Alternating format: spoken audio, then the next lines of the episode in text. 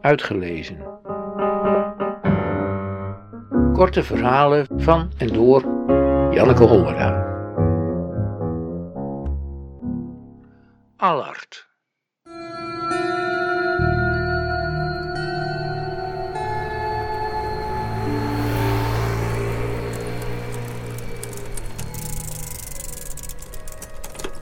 Het vermoeden dat hij niet was wie ik dacht dat hij was, begon toen ik bij hem achter op de fiets zat en hij niet rechtdoor reed op de planetenlaan, maar de sterrenwijk insloeg.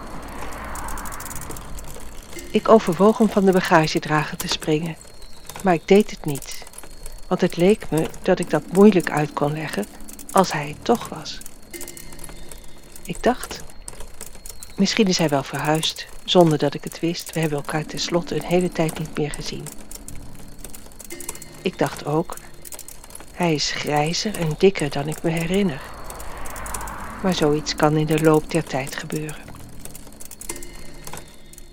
Toen hij aankwam fietsen en ik enthousiast zwaaide en hem spontaan om de hals viel, toen ik vroeg hoe het ging en vertelde dat ik net aan hem liep te denken omdat hij daar toch ergens woonde en dat het al zo lang geleden was dat ik daar was, dat al die flats op elkaar lijken en dat ik een beetje de weg kwijt was, dus hoe blij ik was dat hij er was. En toen hij zei, dan doen we eerst een kopje thee en dan breng ik je naar de stad, toen was er geen enkele twijfel. Behalve dan zijn stem, die anders klonk dan ik me meende te herinneren. Maar hij kon verkouden zijn en hoe betrouwbaar is een herinnering als het gaat om het geluid van een stem.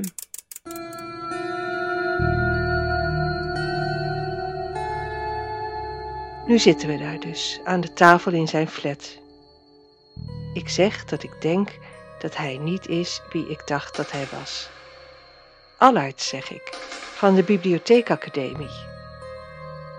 Hij zegt dat hij dat wel is, Allard van de Bibliotheekacademie. En dat hij zich mij nog heel goed herinnert.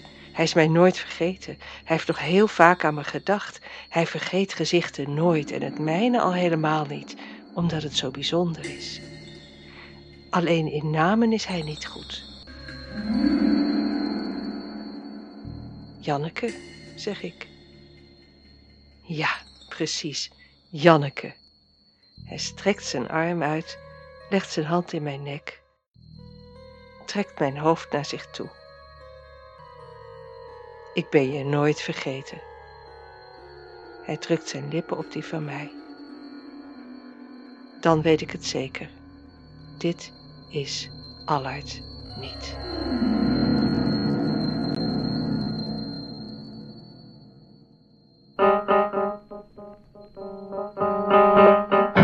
Uitgelezen.